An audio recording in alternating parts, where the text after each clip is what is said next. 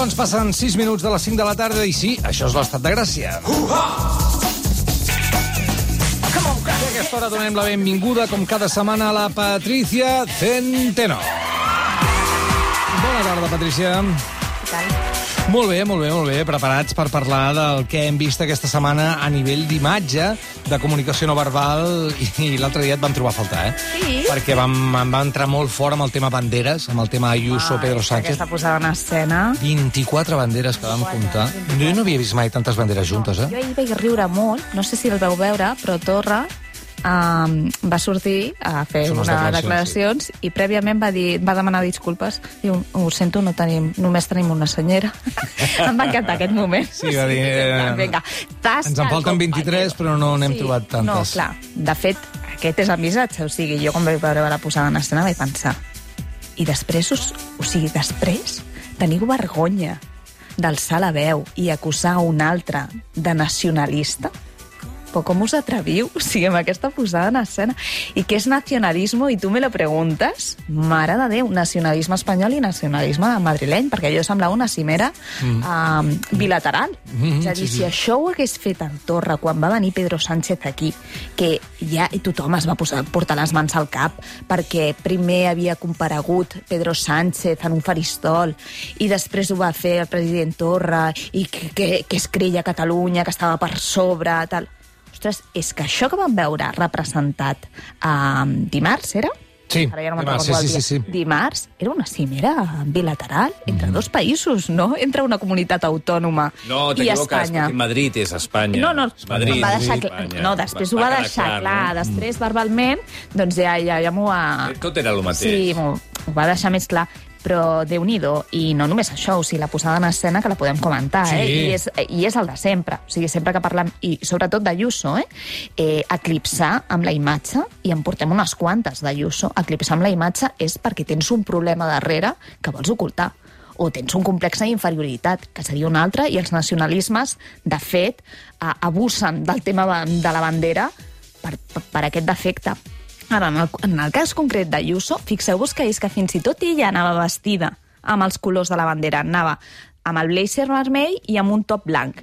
Aquesta estratègia, o estratagema estètica, també la feia servir Cristina Cifuentes. Cristina Cifuentes, el dia que va sortir a dir que ella no dimitari, dimitaria, Sí, senyor, va sortir amb una posada en escena que era la bandera uh, de Madrid i ella vestida amb els colors de Madrid. Uh Mhm. -huh. Què vols dir amb això? Doncs, escolta, la pre... o sigui, jo, Cristina. Cifuentes, o jo, i Isabel Díaz Ayuso, soy Madrid. Qualsevol crítica que feu a la presidenta li esteu fent a Madrid. Mhm. No me l'esteu fent a mi personalment, eh, Díaz Ayuso, eh, presidenta del Partit Popular. No, no, no, li esteu fent a la Comunitat de Madrid. Ojo aquí, no? Eh, i d'altra banda, després també la relació entre ells dos. Arriba Pedro Sánchez a Sol i uh, ell saluda, recordem, recordem que van dir, la, van, la OMS va recomanar que per favor que deixéssim de, de saludar-nos amb el colze i Sánchez ha adoptat uh, la salutació de posar-se la mà al cor quan veu una altra persona. Díaz Ayuso no li va respondre. Jo primer... A, a Perquè no ho sabia o perquè- A primeres vaig pensar que potser doncs, l'havia sorprès, l'havia enxampat i doncs, no va saber com reaccionar i va passar. Ara, quan es van acomiadar, després d'aquesta posada en escena amb les 24 banderes, Pedro Sánchez va repetir la salutació i ella tampoc va respondre a aquesta salutació. Perquè és un menyspreu o què és això? Home, jo crec que sí. O sigui, no, no, no, no li deu caure bé Pedro Sánchez i pel que sigui, doncs no es va voler eh, posar en comú. Ara, molt rotllo de somos, estamos unidos y vamos a cooperar i tal i qual, però després et fan una salutació i tu passes olímpicament. Un altre dels gestos que em va eh, cridar l'atenció és que Díaz Ayuso li fa tot el recorregut eh, per les sales, els passadissos, fins a arribar a la sala de reunions, i ella no parava de posar-se eh, les mans al cinturó. Aquest gest és molt masculí, és molt alfa, i és com intentar imposar-te a l'altre. Clar, recordem que la por eh, del govern madrileny era que el govern espanyol acabés eh, Assumint les Sí, competències. sí, sí, tutelant eh, doncs les, les, seves, les seves competències. Per tant, ella intentava, va haver-hi com molta tensió, però intentava mantindre el control d'aquella reunió. Ara, si traiem les banderes, si traiem els gestos, a mi el que més em preocupa és que tot això va ser postureig del que estem veient i del que estem visquent, eh, malauradament, la política en aquests darrers anys, perquè fixeu-vos que cap dels dos portava un document a les mans i on es van reunir, la sala no era una sala de reunions on hagis de fer treball, sinó que era una saleta d'estar, de, això, de, de, de, de convidar algú a fer unes pastes i un té, uh -huh. i de fet el que va sortir d'aquesta reunió és bueno, nuestros equipos se reuniran. Ostres, estem enmig d'una pandèmia. De veritat, que jo entenc eh, que la imatge es vulgui transmetre una imatge d'unitat, però és que estem enmig d'una pandèmia i Madrid està com està. Per tant, o sigui, que El que hauries de persones, és que hi ha un equip. O si- O sigui, o no et reuneixes i es reuneixen els teus equips, però no estem aquí per perdre el temps. O sigui, és que, no, és que els minuts van, van en contra nostra. Per tant, això és una presa de pèl, però amb majúscules, per part del govern espanyol i per part del govern de, de la Comunitat de Madrid. I aquí no se salva ningú, ni els socialistes ni els populars. Estem enmig d'una pandèmia i Madrid està com està. Sí, sí, ara mateix veiem una de les pantalles que teníem aquí, la CNN, en directe. Uh, ara mateix hi ha una de les corresponsals, la corresponsal de la CNN a Espanya, parlant del problema de la pandèmia aquí, i una de les imatges que posaven per explicar què està passant aquí és aquella del Teatre Real, que nosaltres vam parlar amb una de les espectadores, on es veia clarament que no hi havia distància, sobretot entre la gent de dalt, la que pagava menys, i en No, no, canvi clar. entre la gent de baix sí que hi havia di distància. Clar, i fixem-nos això, o sigui, Això és Teatre Reial, això diumenge, divendres, estava tota l'èlit social i política de Madrid, dues hores després de que Ayuso sortís a dir, eh, doncs mira, haurem de prendre mesures més, més, més, més importants sobre el confinament, i a més, es confinarà una part o una part dels municipis de Madrid, no? eh, que casualment són, són les persones eh, que han d'anar a treballar, que han d'agafar el transport públic, etc etc. I doncs dues hores després de que s'anunciés totes aquestes mesures, l'èlit social i política de Madrid es reuneix a l'estrena de la temporada del Teatre Reial. Allà hi havia totes les mesures... Eh, Hi havia distància, sí, no? Sí, i tant.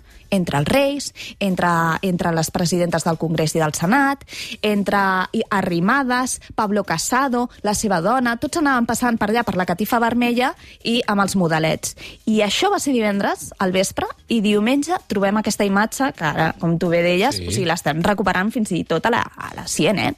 I ahir una altra, eh? I també n'hi va haver una que, eh, molt potent, que era mm, Ignacio Aguado i algú altre, no me'n recordo, del govern de Madrid, atenció... Inaugurant. Inaugurant, fent-se una fotografia Sí, sí. en un dispensador de gel hidroalcohòlic Sí, sí. al metro de Madrid. Sí, sí. Inaugurant un eh, gel hidroalcohòlic.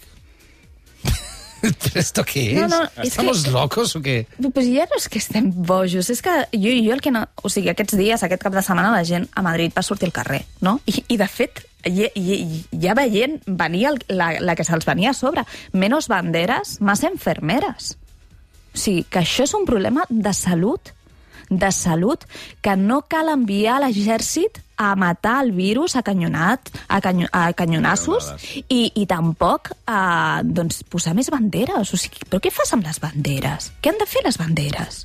Jo no havia vist, insisteixo, no havia vist mai tantes banderes de manera continuada, 24 banderes darrere, si no era un règim eh, dictatorial. Home, els Estats Units així. també ho fan. De fet... Però 24 banderes. Sí, normalment ho fan, doncs això, o sigui, és com intentar imposar a l'altre la teva realitat, i és molt nacionalista. Ara, quan Això està acusem- pactat, vull dir, no és Sí, una sí, cosa sí, que hagi no, decidit no. ni Ayuso No. ni el govern central. Està pactat Està i pactat. consensuat. Està, sí, sí, sí, o almenys està consentit. És a dir, Pedro Sánchez sabia perfectament, igual quan va venir a la visita amb el president Quim Torra, què s'havia de fer i com es faria perquè saben perfectament que això també té un missatge de cara, de cara als ciutadans. Per tant, això eh, no sé fins a quin punt estava pactat, però sí que estava eh, consentit per part del govern espanyol. Ells sabien, sabien que es trobarien amb aquesta escenografia. Però què volia dir? És a dir, quan algú decideix posarem 24 banderes al darrere, què vols arri fer arribar a la gent?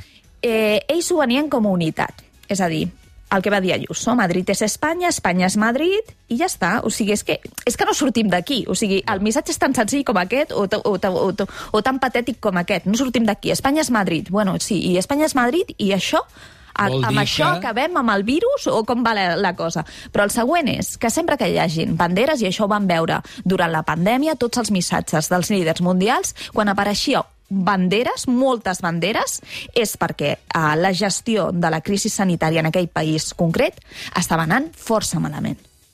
quan apareixia, per exemple, Merkel, que no sortia, sortia sense cap bandera, Ostres, la cosa estava bastant controlada. O sigui que resum és, quan les teves polítiques no, no, no, o no funcionen o són inexistents, aleshores el que has d'apel·lar és a l'emoció directament, a l'emoció patriòtica o l'emoció que calgui per tapar la teva ineficàcia.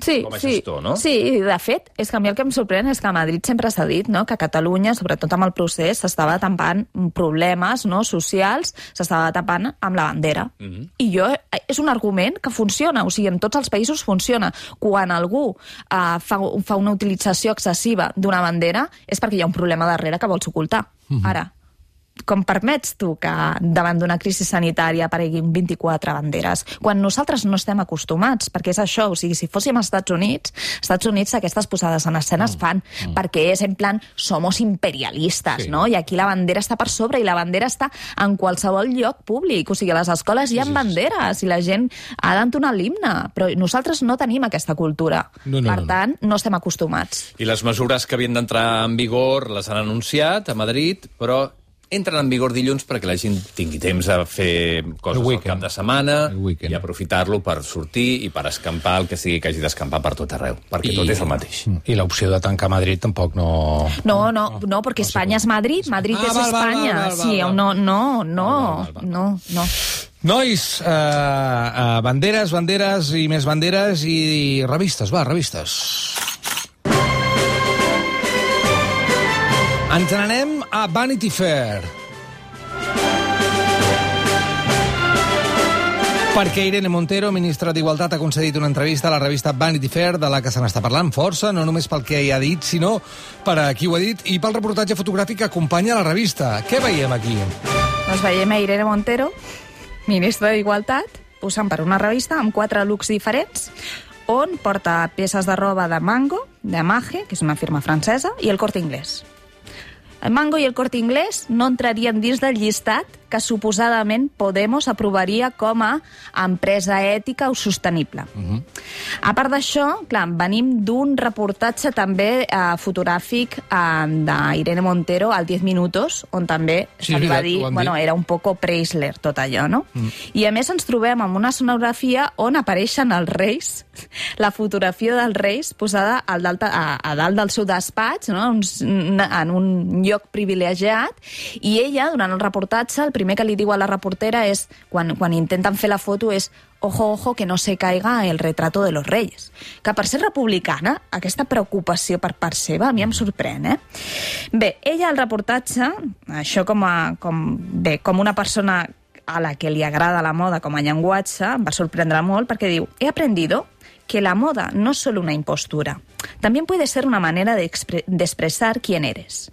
Clar, i està molt bé aquesta reflexió, i jo la comparteixo i la defenso sempre. Ara, si tu deixes o permets que hi hagi un estilista d'una revista que, es que et vesteixi amb una roba que no és teva, Mm -hmm. i, i segons els seus principis, els seus valors o la seva manera de fer, aquí és com si deixessis que el periodista respongués les, les, preguntes, per, les preguntes per tu.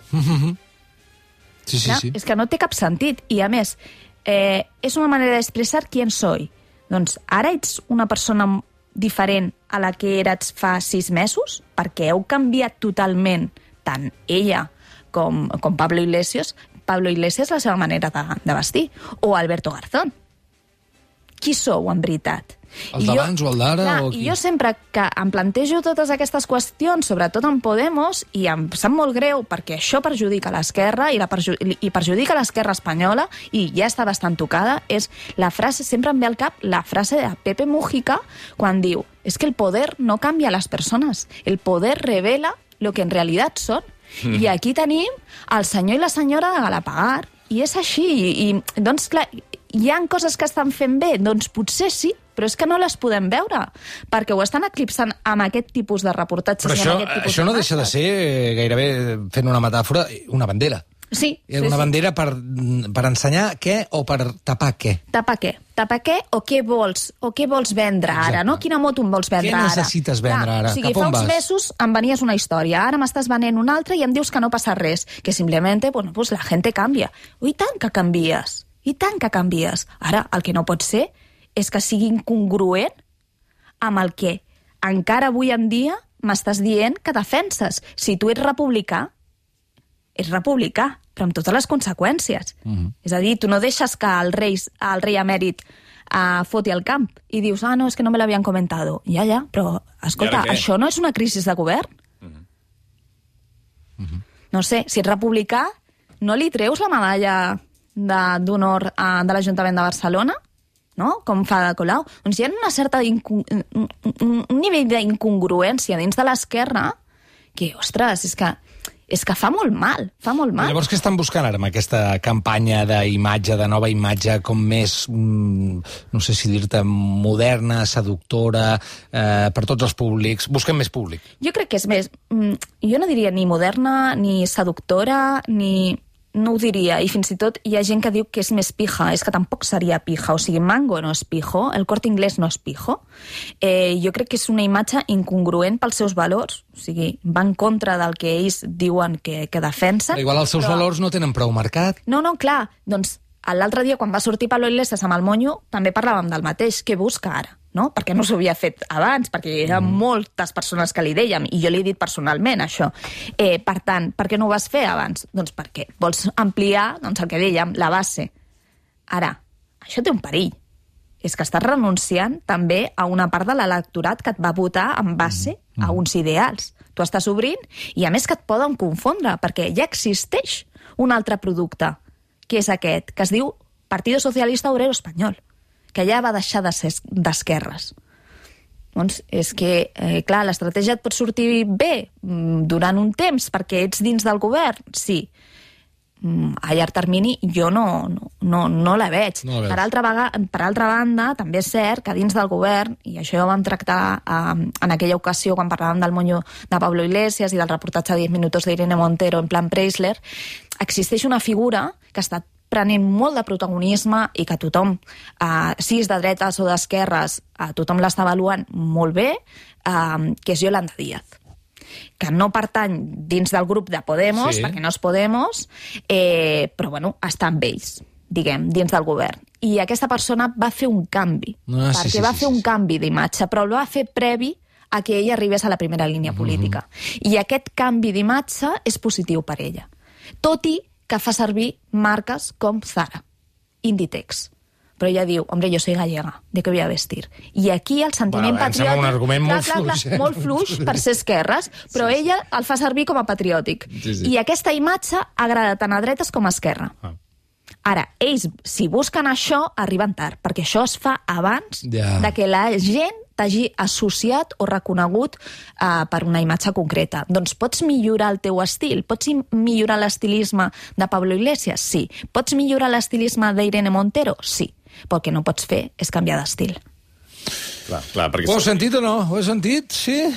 No, la sensació no? sempre és que quan arribes al poder que passa una fina capa de vernís per damunt i la persona que eres ets una mica, una mica diferent, no? Torna a dir la frase de Mujica. La pots dir? La pots recordar? Sí. Com era? Perquè m'agrada aquesta. Me encanta. El poder no cambia las personas, solo revela lo que en verdad son. Gràcies, Patricia Zender. A vosaltres, una abraçada.